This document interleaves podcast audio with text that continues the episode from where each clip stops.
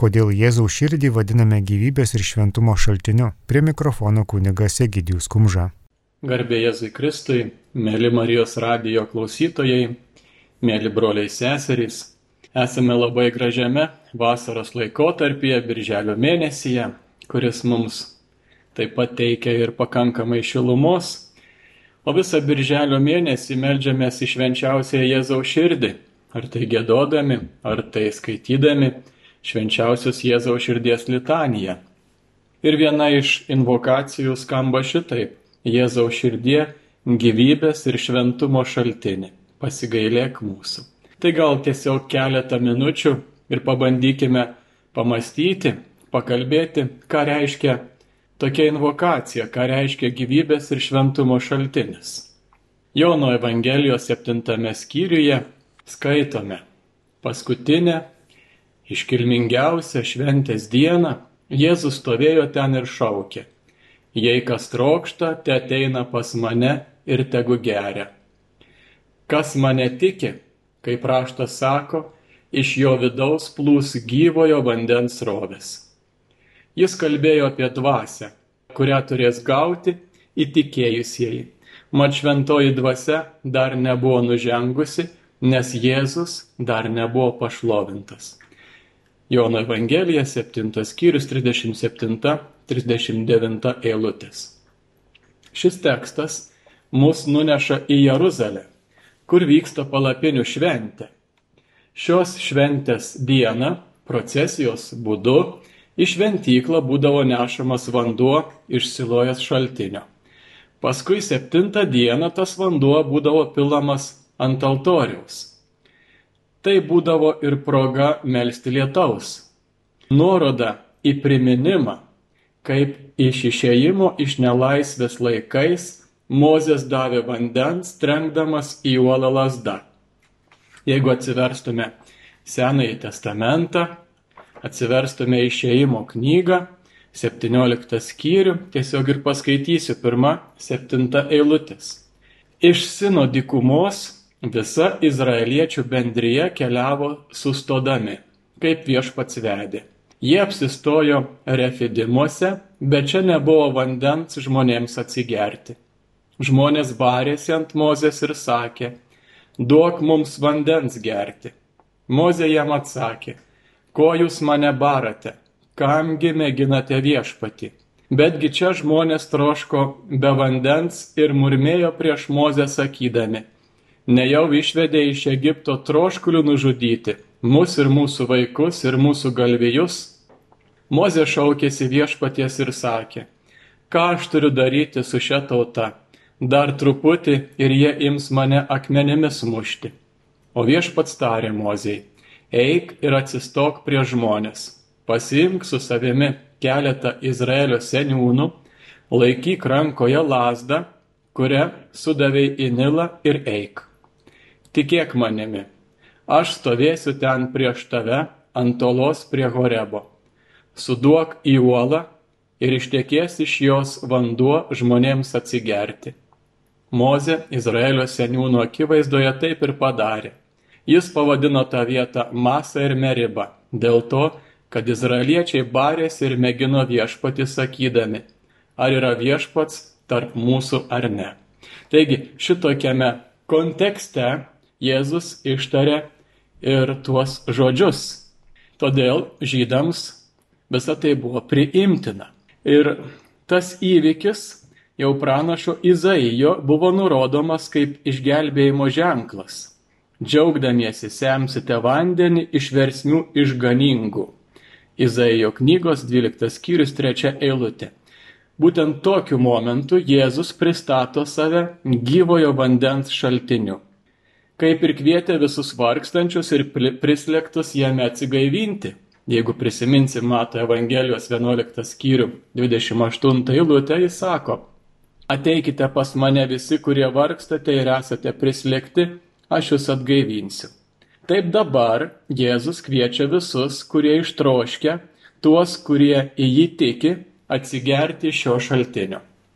Jau apaštalų laikų tradicija Mozės daužiamoje lasda uoloje matė Kristaus įvaizdį, O paštulas Paulius kalba tiesiai, ta tu ta uola buvo Kristus. Iš Jėzaus atverto širdies mums teka gyvasis vanduo. Tai yra šventosios dvasios įvaizdis, kaip ištroškusiems žydams iš uolos tekėjo vanduo gyvybei. Jėzaus širdie, gyvybės ir šventumo šaltini, pasigailėk mūsų. Taip kreipiamės litanijos maldoje. Viską, ką Dievas norėjo mums pasakyti apie save ir savo meilę mums, sudėjo į Jėzaus širdį ir per šitą širdį apreiškė. Per Jėzaus širdį galime perskaityti amžiną Dievo planą išgelbėti pasaulį. Tai meilės projektas. Kristus, kuris mus myli, mums rodo savo širdį kaip gyvybės ir šventumo šaltinį, kaip mūsų atpirkimo šaltinį. Kad suprasti šią invokaciją, reikia grįžti prie Jėzaus susitikimo su Samarietė prie šulinio, kuris ten stovi nuo patriarcho Jokūbo laikų ir samarietė ten atėjo pasisemti vandens. Jono Evangelijos ketvirtam skyriuje 7-14 eilutės skaitome. Viena samarietė moteris atėjo semti vandens. Jėzus ją paprašė, duok man gerti. Tuo tarpu mokiniai buvo nuėję į miestą nusipirkti maisto. Samarietė atsakė, kaipgi tu, būdamas žydas, prašai mane samarietę gerti mat žydai nebendrauja su samariečiais. Jėzus jai tarė, jei tu pažintum Dievo dovaną ir kas yra tas, kuris tave prašo, duok man gerti, rasi pati būtum jį prašysi ir jis tau būtų gyvojo vandens davęs. Moteris atsiliepė, viešpatie, bet juk tu neturi kuo pasemti, o šulinys gilus, iš kur tu imsi gyvojo vandens? Argi tu didesnis už mūsų tėvą Jokūbą, kuris tą šulinį mums paliko ir pats iš jo gėrė ir jo vaikai ir gyvuliai? Jėzus atsakė, kiekvienas, kas geria šitą vandenį ir vėl trokš. O kas gers vandenį, kurį aš duosiu, tas nebetrokš per amžius. Ir vanduo, kurį jam duosiu, taps jame versme vandens, trykštančio į amžinai gyvenimą. Taigi, užsimesga pokalbis, kurio centre vanduo. Vanduo numalšina kūno troškulį, palaiko gyvybę, bet taip pat yra amžinai gyvenimą laiduojančios Dievo meilės simbolis. Biblijos tradicijoje Dievas yra gyvojo vandens šaltinis. Nutolti nuo Dievo ir jo įstatymo tai pasmerkti save alinančiai sausrai, kurią Izraelio tautai teko patirti keliaujant per dykumą.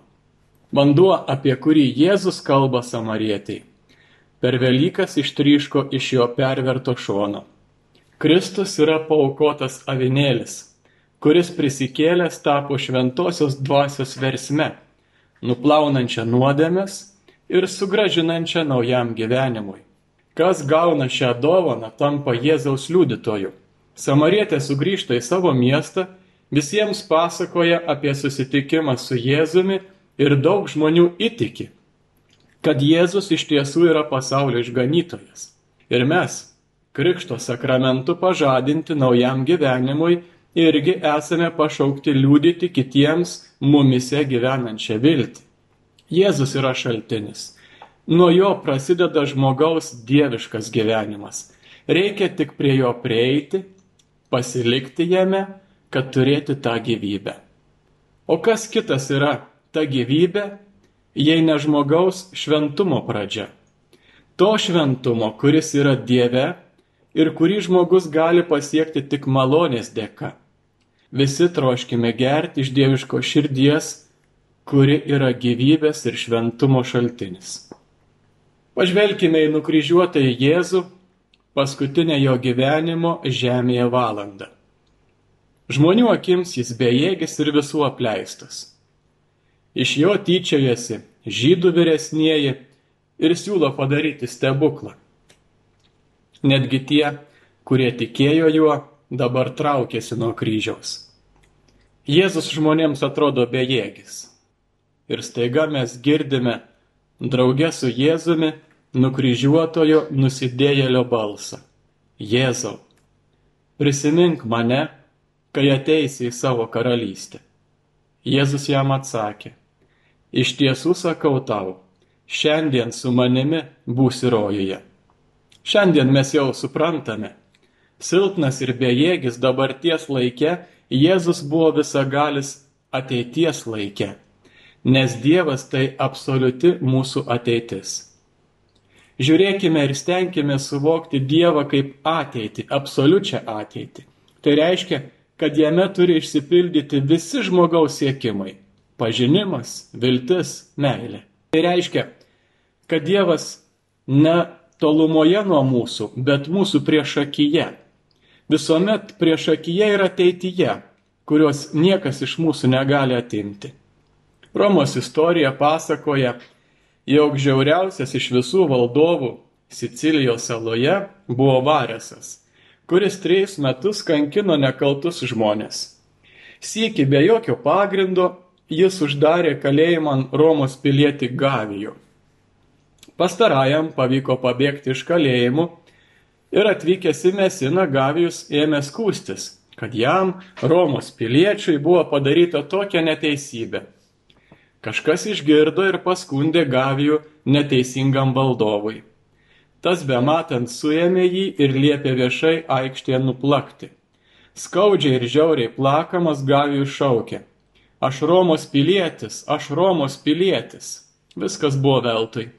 Piktas tironas ne tik nepaisė Gavijos garbės, bet savo valiaudamas dar įsakė prikalti ant kryžiaus, pastatyto prie jūros sąsmaukos, kad nelaimingasis Gavijos gautų regėti Italijos žemę.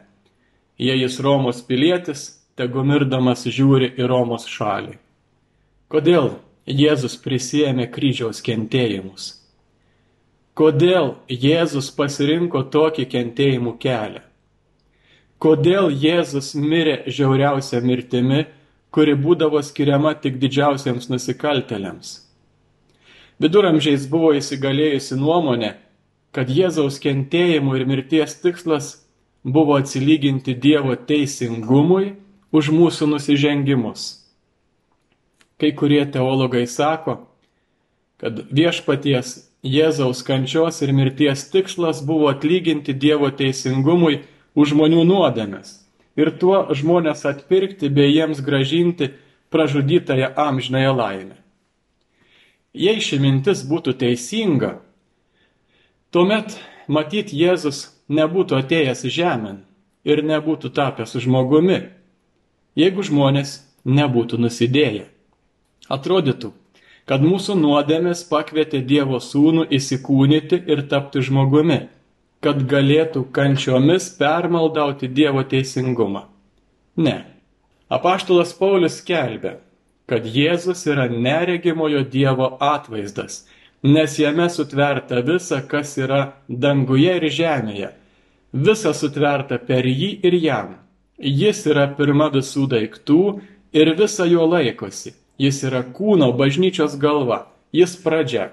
O laiškė feziečiams Paulius tvirtina, kad Dievas išsirinko mus Jėzuje prieš pasaulio sutverimą, kad būtume šventi ir nesutepti jo akivaizdoje. Iš grinos meilės, laisvų savo valios nutarimu, jis iš anksto paskyrė mus per Jėzų Kristų tapti jam įsuniai savo malonės kilnumo šloviai. Laiškas Efeziečiams, pirmas skyrius, ketvirta, šešta eilutės. Kaip matome, visiškai aiškiai sakoma, kad dar prieš pasaulio sutverimą Dievas mus išsirinko Jėzuje kaip visų kūrinių galvoje, kad būtume šventi, kad būtume Dievo vaikai. Dar prieš žmogaus nusidėjimą Kristus turėjo būti mūsų žmonijos galva, kad pašventintų mus ir išaukštintų iki Dievo sūnų šlovės, iki Dievo vaikų šlovės. Štai, kodėl rytų bažnyčios mokymas visuomet akcentavo džiaugsmingą mintį, jog ir Kristaus kentėjimai ir prisikelimas tai kelias į žmonių pašventinimą, o ne vien tik tai Dievo teisingumo permaldavimas. Juk Dievas be galo gailestingas ir negalėjo trokšti Jėzaus kraujo, kaip galvojo žiaurus pagonis. Jėzus pats pasirinko žmonių kelią su visais išbandymais ir kryžiaus mirtimi, kad praturtintų mus savo gyvybę. Jisgi sakė, aš atėjau, kad žmonės turėtų gyvenimą, kad apščiai jo turėtų. Jono Evangelijos 10 skyrius 10 eilutė. Jei norime suprasti, suprasti Jėzų, Giliai įsimastykime į itin svarbius apaštalo Pauliaus žodžius. Jėzus, turėdamas Dievo prigimti, godžiai nesilaikė savo lygybės su Dievu, bet apiplėšė pat save, priimdamas tarno išvaizdą ir tapdamas panašus į žmonės. Jis ir išorė tapo kaip visi žmonės. Jis nusižemino tapdamas klusnus iki mirties, iki kryžiaus mirties. Laiškas Filipiečiams, antras skyrius, šešta, aštunta eilutis. O kad mes pasistengtume suprasti, ką reiškia šie žodžiai. Įsivaizduokime armijos generolą, kuris trokšdamas įkvėpti kareivių širdims drąsos, atsisako savo garbės ir teisių ir puola į baisų mūšį lygiomis su kareiviais. Galėdamas būti saugioje slėptuvėje, jis atsisako savo privilegijų ir pėščias vargingai brenda per balas, nakvoja po tyrų dangumi, kenčia visus žygio nepatogumus. Ką visi sakytų? Sakytų, koks didvyris, kaip myli kareivius, koks pasiaukojęs žmogus. O juk Kristus iš tikrųjų visko atsižadėjo ateidamas žemėn. Kristus išgėrė iki dugno baisiausių kentėjimų taurę, kad mus padarytų Dievo vaikais. Juk jis priemė žmonių prigimti ir žmonių kelią, kartu su baise mirtimi, kad praturtintų mus. Jo asmenyje mes esame išaukštinti, nes jis iškėlė į Dievo vaikų garbę mūsų žmogiškąją prigimtį. Graikų istorija žino stebėtiną žmogaus pasiaukojimo pavyzdį. Šiaurinės Graikijos gentis Dorėnai senovėje nusprendė sunaikinti Atenų miestą. Jie apgulė Atenus ir stengiasi badu priversti pasiduoti gynėjus. Norėdami sužinoti ateitį, Dorėnai pasiuntė į Delfus pasiuntinius kad sužinotų iš orakulų, ar jiems pasiseks apgulimas. Iš Delfo atėjo pranešimas. Taip, jūs galite nugalėti Atenus su viena sąlyga, jei nenužudysite Atenų karaliaus kodraus. Šitą pranešimą beje sužinojo ne tik dorėnai, bet ir ateniečiai. Išgirdęs Delfų orakulo žinę, karalius kodrus nusprendė nedelsdamas gelbėti gimtąjį miestą. Savo planą jis atskleidė tik artimiesiems.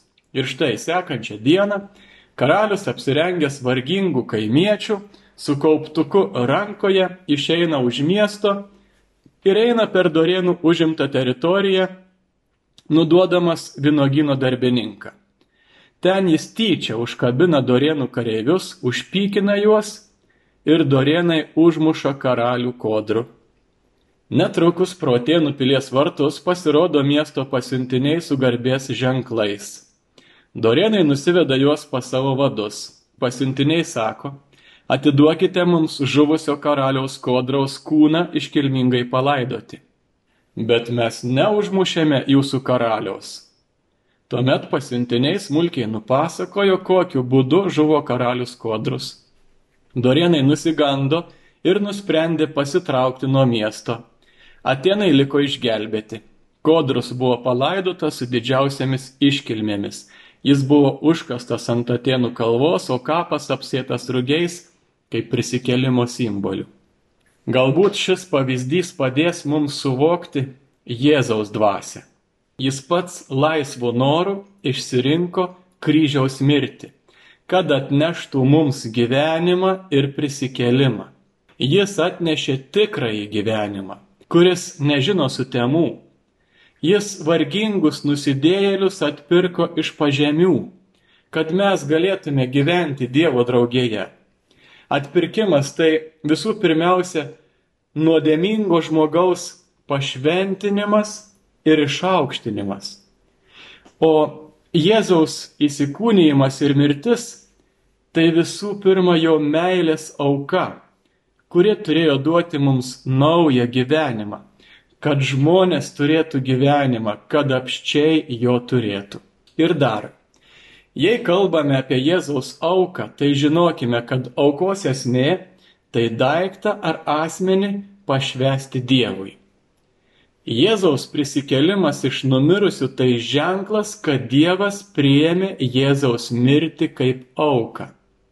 Dievas priėmė vadinasi priimtas Jėzus su žmogaus prigimtimi, kurioje jis yra mūsų žmonių galva. Esame priimti Jėzuje. Esame priimti kaip Jėzaus auka. Štai koks mūsų išganytojas. Štai kokiu būdu jis pakvietė mus į Dievo vaikų garbę. Kaip skaitome Jono Evangelijos trečiam skyriuje 16 eilutė, Dievas taip pamilo pasaulį, kad atidavė savo viengimi sūnų, kad kiekvienas, kuris jį tiki, turėtų amžiną į gyvenimą. Tikime, kad bažnyčia yra nepaliaujamai šventa, skelbia Vatikano antrojo susirinkimo Dogminė konstitucija Lumen Gentium. Kodėl bažnyčia yra šventa? Ką reiškia šventa? Sakydami šventas, mes krikščionis vartojame iš judaizmo atėjusią savoką, reiškiančią atskirtas, atidalintas. Šventumas yra Dievo ir tik Dievo savybė. Tik Dievas yra šventumo šaltinis. Dievas gali pašventinti tai yra suteikti savo šventumą. Taip Senajame testamente Dievas pašventino, išrinko ir atskyrė Izraelio tautą, duodamas jai savo įstatymus. Izraelio tauta buvo pašventinta ne todėl, jog Dievas pasirinko ją ir buvo joje. Jis lydėjo Izraelitus dikumoje, jis laidavo savo buvimą Saliamono šventyklo šventovėje. Laikydamasis sandoro su Dievu, Izraelis turėjo laikytis Dievo jam suteikto šventumo. Panašiai pabrėžia, kad kulto nurodymų, kurie irgi buvo Dievo duoti, laikymasis negarantuoja Dievui patinkančio Izraelio šventumo. Aukos aukojamo šventykloje už nuodėmės nėra pakankamos nuodėmėms panaikinti. Dievas, teigia pranašai, reikalauja gyvenimo šventumo, tai yra nuolankumo, teisingumo ir meilės. Jėzus, įsikūnijęs Dievo žodis, Naujajame testamente vadinamas Dievo šventuoju. Tai yra, jis yra šventas kaip ir Dievas. Jo šventumas nėra suteiktas, nėra gautas. Jėzus yra vienas su tėvu. Ta jo ryšį palaiko šventoji dvasia. Jėzaus šventumas yra galingas ir paslaptingas.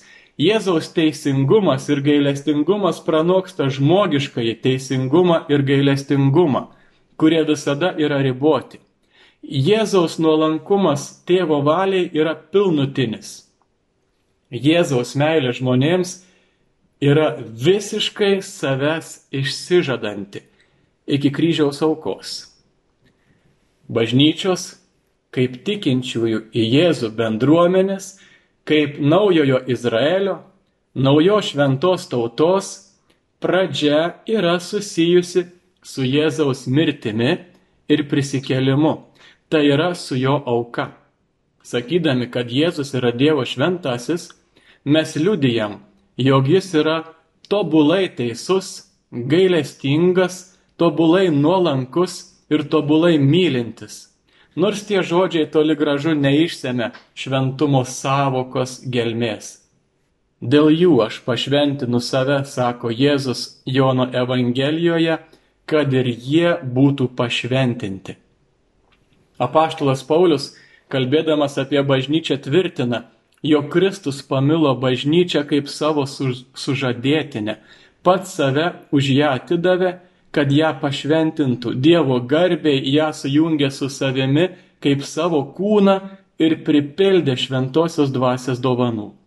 Taigi bažnyčio šventumas, visų mūsų šventumas kyla iš neišardomo ryšio su Kristumi, per kurį ir kuriame pati bažnyčia tampa šventinančia pasaulį. Tai yra bažnyčios pašaukimas ir misija. Kristus paliko bažnyčiai sakramentus. Švesdama sakramentus visų pirma Krikšto ir Eucharistijos, bažnyčia vienijasi su Kristumi ir siekia gyventi teisume, nuolankume, gailestingume ir meilėje į šventumą, į egoistinę žmogaus prigimties nugalėjimą yra pašauktas kiekvienas bažnyčios narys, nes Dievas nori visus žmonės įtraukti į savo gyvenimą, tai yra į savo šventumą. Šventumo, kuriame esame pašaukti brandolys, yra meilė, kuri kaip tobulumo ryšys vadovauja visoms pašventinimo priemonėms jas įprasmina ir mus veda į tikslą. Dievo ir artimo meilė yra svarbiausias tikrojo Kristaus mokinio ženklas. Aš supratau, rašė šventoji kūdikėlio Jėzaus Teresė, kad bažnyčia yra vienas kūnas, kurį sudaro įvairūs nariai ir jokio nario tame kūne netrūksta. Aš supratau, kad bažnyčia turi širdį, degančią meilę. Tik meilė veda bažnyčios narius Ir jei šios meilės nebūtų, apaštalai nebūtų skelbę Evangelijos ir kankiniai nebūtų lėję savo kraujo. Aš suprantu, sako šventoji kūdikėlio Jėzaus Teresė, kad meilė apima visus pašaukimus, kad meilė yra viskas, kad ji apriepia visus laikus ir visas vietas, kad meilė yra amžina. Bažnyčia yra šventa ir iš savęs pačios Ji yra pašventinta Jėzaus Kristaus meilė, per kurią bažnyčia turi nuolatinę šventosios dvasios pagalbą. Bet būdama šventa kaip Kristaus kūnas, tai yra būdama šventa pirmiausia tada, kai švenčiami sakramentai, bažnyčia kartu savo prieglopstyje laiko ir apglėbusi nusidėjėlius. Jie yra šventa, bet drauge ir nuolat apvalytina. Visuomet atsidėjusi atgailai ir atsinaujinimui. Jei sakytume, jog neturime nuodėmės, klaidintume patį save ir nebūtų mumise tiesos, sakė šventasis Jonas Evangelijoje, pirmajame savo laiške, pirmas skyrius, aštunta eilutė. Visi bažnyčios nariai turi išpažinti savo nuodėmingumą. Bažnyčios narių nuodėmės, jų paklydimai mažina bažnyčios šventumo spindėjimą pasaulyje. Bažnyčia nepaliaujamai atgailauja ir atsiprašo už savo nuodėmes. Tai yra duota gydoma nuodėmės naikinanti Kristaus kraujo ir šventosios dvasios dovana. Taigi, išpažindami savo tikėjimą šventąją bažnyčią, mes išpažįstame, kad ji yra Kristaus pašventinta, kad ji yra Dievo norėtas kelias į visų žmonių išganimą į šventumą. Mes taip pat išpažįstame, kad bažnyčia turi visas būtinas išganimo ir šventumo priemonės, padedančias jos nariams tobulėti meilėje ir siekti šventumo. Jėzaus kvietimas jį sekti - tai kvietimas į šventumą. Jis yra kelias pas tėvą, visokio šventumo šaltinį. Šventasis Augustinas, komentuodamas Jėzaus kvietimą juos sekti, rašė, klausi mane kelio, Kristus sakė, aš esu kelias. Tik tada jis pasakė, kur tas kelias veda. Aš esu tiesa ir gyvenimas. Dėl vienybės su tėvu jis yra tiesa ir gyvenimas. Kadangi tapo žmogumi, jis yra kelias. Taigi mums nesakoma, stenkis atrasti kelią, kad pasiektum tiesą ir gyvenimą pats kelias ateina pas tave, kelkis ir vaikščiok. Čia Šventojo Augustino komentarai apie Jono Evangeliją 34 skyrius. Dievas mus kviečia gyventi pagal Kristaus kelią, kad taptume šventi. Turime sekti Kristumi, nors dėl gyvenimo sunkumų jaučiamės apšlubę, nepajėgiantis keltis ir vaikščioti. Galbūt mums atrodo neįmanoma pasiekti Dievo karalystę. Iš ties, tai neįmanoma. Bet jei tik tai vien žmogiškomis jėgomis, remiantis tik tai savo protu bei valia. Privalome atsigręžti į Kristų, kuris yra kelias, kad jis mums parodytų kelią. Kai sieksime Kristaus, mūsų neįveiks jokios kliūtis. Mūsų pastangos kasdien gyventi pagal Dievo valią nenueis per niek. Jėzus, mūsų gyvybės ir šventumo šaltinis, atpirko mus savo brangiausiojų krauju. Taigi gyvenkime žinodami, kad ramybė ir džiaugsmas kyla iš gyvo klusnumo Dievo valiai. Tada vieną dieną susivienysime su juo dangaus karalystėje, supami angelų ir šventųjų būrių. Tokia mano tėvo valia, kad kiekvienas, kuris regi sūnų ir tiki jį, turėtų amžiną į gyvenimą. Todėl aš jį prikelsiu paskutinėje dieną. Skaitome Jono Evangelijos šeštajame skyriuje 40 eilutė. Taigi Jėzaus širdis yra ne bet kokio, o amžinojo gyvenimo šaltinis. Kiekvienas gyvenantis ir mirštantis Kristuje bus prikeltas paskutinėje dieną. Šis pažadas skirtas kiekvienam. Tad taip sukūriamas ypatingas ryšys tarp visų pakrikštytųjų Kristuje. Visi esame vienos šeimos nariai. Visi esame vieno kūno, Kristaus kūno nariai. Štai ką rašo popiežius Benediktas XVI apie seną krikščionišką tradiciją melstis ir užmirusius. Tai, kad meilė gali nusidriekti į anapus, kad galime vienas kitam duoti, bei vienas iš kito imti, visais šimtmečiais buvo pamatinis krikščionijos įsitikinimas, lygi šiandien išliekantis paguodžiama patirtimi. Kasgi nejaučia poreikio savo į anapus iškeliavusiems artimiesiems pasiūsti gerumo, dėkingumo ar ir prašymo atleisti ženklo. Dabar būtų galima paklausti, jei skaistykla yra tiesiog deginantis skaistinimas susitinkant su teisiančiu bei gelbėjančiu viešpačiu, tai kaip tam poveikį gali daryti trečiasis kad ir koks artimas būtų. Tokių klausimų akivaizdoje turime suvokti, kad niekas negyvena vienas. Niekas nenusideda vienas. Niekas neišgelbėjamas vienas. Į mano gyvenimą, į tai, ką mastau, kalbu, darau, veikiu, įsiterpia kitų gyvenimas. Ir priešingai, mano gyvenimas įsiterpia į kitų gyvenimą ir geri, ir blogi dalykai. Tad mano prašymas dėl kito, net ir po jo mirties, nėra kas nors svetima ar išoriška. Prisiliesti prie kito širdies niekada nevėlu ir nėra bergždžia. Mūsų viltis visada iš pagrindų yra viltis dėl kitų. Tik tada ji tikrai yra viltis ir mano paties atžvilgiu. Kaip krikščionis visada turime ne tik klausti, kaip galiu save išgelbėti. Turime taip pat klausti, ką galiu padaryti, kad išgelbėti būtų kiti ir kad kitiems patekėtų vilties žvaigždė. Būtent tada būsiu daugiausia padaręs ir dėl savo paties išgelbėjimo. Spes salvi 48 skyrius. Meilė yra stipresnė nei mirtis ir ji įveikia laiką. Atminkime, kad Dievas girdi mus, kai melžiamės už mirusiuosius. Jam patinka, kad jo vaikai rūpinasi vieni kitais. Jei Jėzaus meilė tokia didi, kad jis nori, jog kiekvienas dalyvautų jo pergalės prieš mirtį puotoje, jis visiems siūlo negendančios duonos, gyvybės duonos. Kokia garbė būti pakviestam į Jėzaus puotą. Mums dažnai kyla mintis, kad esame nelabai svarbus, abejojame, ar Dievui rūpime, ar Jis veikia mūsų gyvenime. Mastome, kad Jis laukia, kol tapsime geresni, be nuodėmių ir kalčių. Iš tikrųjų yra kitaip. Dangaus duona siūloma kiekvienam.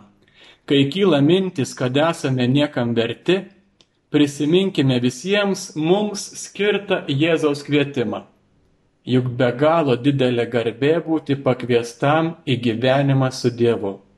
O Jėzus sakė, aš esu gyvoji duona, nužengus iš dangaus. Kas valgys šią duoną, gyvens per amžius. Duona, kurią aš duosiu, yra mano kūnas už pasaulio gyvybę. Tuomet žydai ėmė tarp savęs ginčytis ir klausinėti, kaip jis gali mums duoti valgyti savo kūną. O Jėzus jiems kalbėjo, iš tiesų, iš tiesų sakau jums, jei nevalgysite žmogaus sunaus kūno ir negersite jo kraujo, neturėsite savyje gyvybės. Kas valgo mano kūną ir geria mano kraują, tas turi amžiną į gyvenimą ir aš jį prikelsiu paskutinėje dieną. Mano kūnas tikrai yra valgys ir mano kraujas tikrai yra gėrimas. Kas valgo mano kūną ir geria mano kraują, tas pasilieka manyje ir aš jame. Kaip mane yra siuntęs gyvasis tėvas ir aš gyvenu per tėvą, taip ir tas, kuris mane valgo, gyvens per mane. Štai duona, nužengus iš dangaus, ji netokia, kokią protėviai valgė ir mirė kas valgo šią duoną, gyvens per amžius. Skaitome Jono Evangelijos šeštajame skyriuje. Gyvybės šaltinis. Dialogė su žydais apie gyvąją duoną, Jėzus identifikuoja savo kūną su gyvybės medžiu. Pradžios knygoje antrame skyriuje devintoji eilutė skaitome. Iš žemės viešpats Dievas išaugino įvairių medžių gražių akims ir gerų maistui, su gyvybės medžiu sodo viduryje ir gero bei pikto pažinimo medžiu. Jėzaus ištartas amžinojo gyvenimo pažadas yra priešingybė gimtosios nuodėmės pasiekmiai. Visi, kuriuos man duoda tėvas, ateis pas mane ir ateinančio pas mane aš neatstumsiu. Štai duona nužengus iš dangaus, kas ją valgys gyvens per amžius. Kaip jis gali mums duoti valgyti savo kūną? Iš pirmo žvilgsnio šis priekaištas kelia papiktinimą arba pajoką, kadangi žydai netiki, jog Jėzus tokiu būdu galėtų pažeisti religinį nešvarumą, skatindamas valgyti žmogaus kūną. Tačiau šis klausimas turi gilesnę prasme. Atskleidžia labai didelę abejonę. Jis suskamba tuo met, kada Jėzus apreiškia, kad jo mirtis yra dovana už pasaulio gyvybę. Taigi žydų klausimas yra savotiškas tiesos atmetimas, jog jų išganimas gali būti kito žmogaus gyvybės dovana. Tuo pačiu jie negali priimti, kad jų amžinas gyvenimas priklauso nuo Jėzaus, kuris su jais kalbasi. Jų manimų toks priklausimas yra papiktinimas tam, kas išpažįsta tik vienintelį išganytoją viešpati Izraelio Dievą. Rezumuojant, jie atmeta tiesą apie tai, kad Jėzaus mirtis jiems yra gyvybės šaltinis dalyvavimas Jėzaus gyvenime yra artimai sėtinas su jo prisikelimu. Eucharistijos šventimas nėra žmogiškosios egzistencijos riba, džiaugsmo ir laimės viršūnė, bet kelias į naujos egzistencijos siekį. Mėly broliai seserys, vakar šventėme Švento Jono gimimo šventę. Kas bus iš šito vaiko? su nuostaba buvo klausima Evangelijoje. Šį klausimą būtų galima užduoti apie kiekvieną kūdikį pasaulyje, nes Dievas visus kažkam sukūrė. Kai kūdikiai yra maži, visų jų bruožai irgi yra maži, pavyzdžiui, mažos akis, maža nosytė, bet po truputį jie vystosi ir mes galime pradėti vis labiau atpažinti juose jų tėvų bruožus. Mes žinome, kad tos bruožus jie nuo pat pradžių turi, jie turi viską. Bet tam reikia laiko, laiko subręsti. Jie, kaip ir šventasis Jonas, taip pat turi misiją nuo pat jų apvaisinimo momento. Tas pašaukimas yra nuo pat pradžių, tačiau jį atpažinti ir įgyvendinti reikia laiko. Viešpatie padėk mums suprasti, kad visi žmonės turi tikslą, visi kūdikiai turi misiją. Taip pat suvokti, kad tu viešpatie esi tėvas, kuris visus taip myli, kad pasiuntėjai savo vienintelį sūnų mirti už mus. Koks tada bus šis vaikas? Klausė savęs visi tėveliai, kai gimėme. Tu viešpatie gerai žinojai, koks aš būsiu. Aš dar nežinau daugelio dalykų, kurie man turėtų nutikti, bet yra vienas, kurį aš tikrai žinau. Viešpatie, aš turiu būti šventasis. Pasitikėkime Jėzaus širdimi, kur yra gyvybės, mūsų amžinojo gyvenimo ir šventumo šaltinis. Dažnai kreipkimės į Jėzų, dažnai kreipkimės į jo širdį, kad galėtume būti laimingi, kad galėtume padaryti laimingais kitus. Amen. Garbė Jėzui Kristui. Kunigas Egidijus Kumža kalbėjo apie tai, kodėl Jėzaus širdį vadiname gyvybės ir šventumo šaltiniu.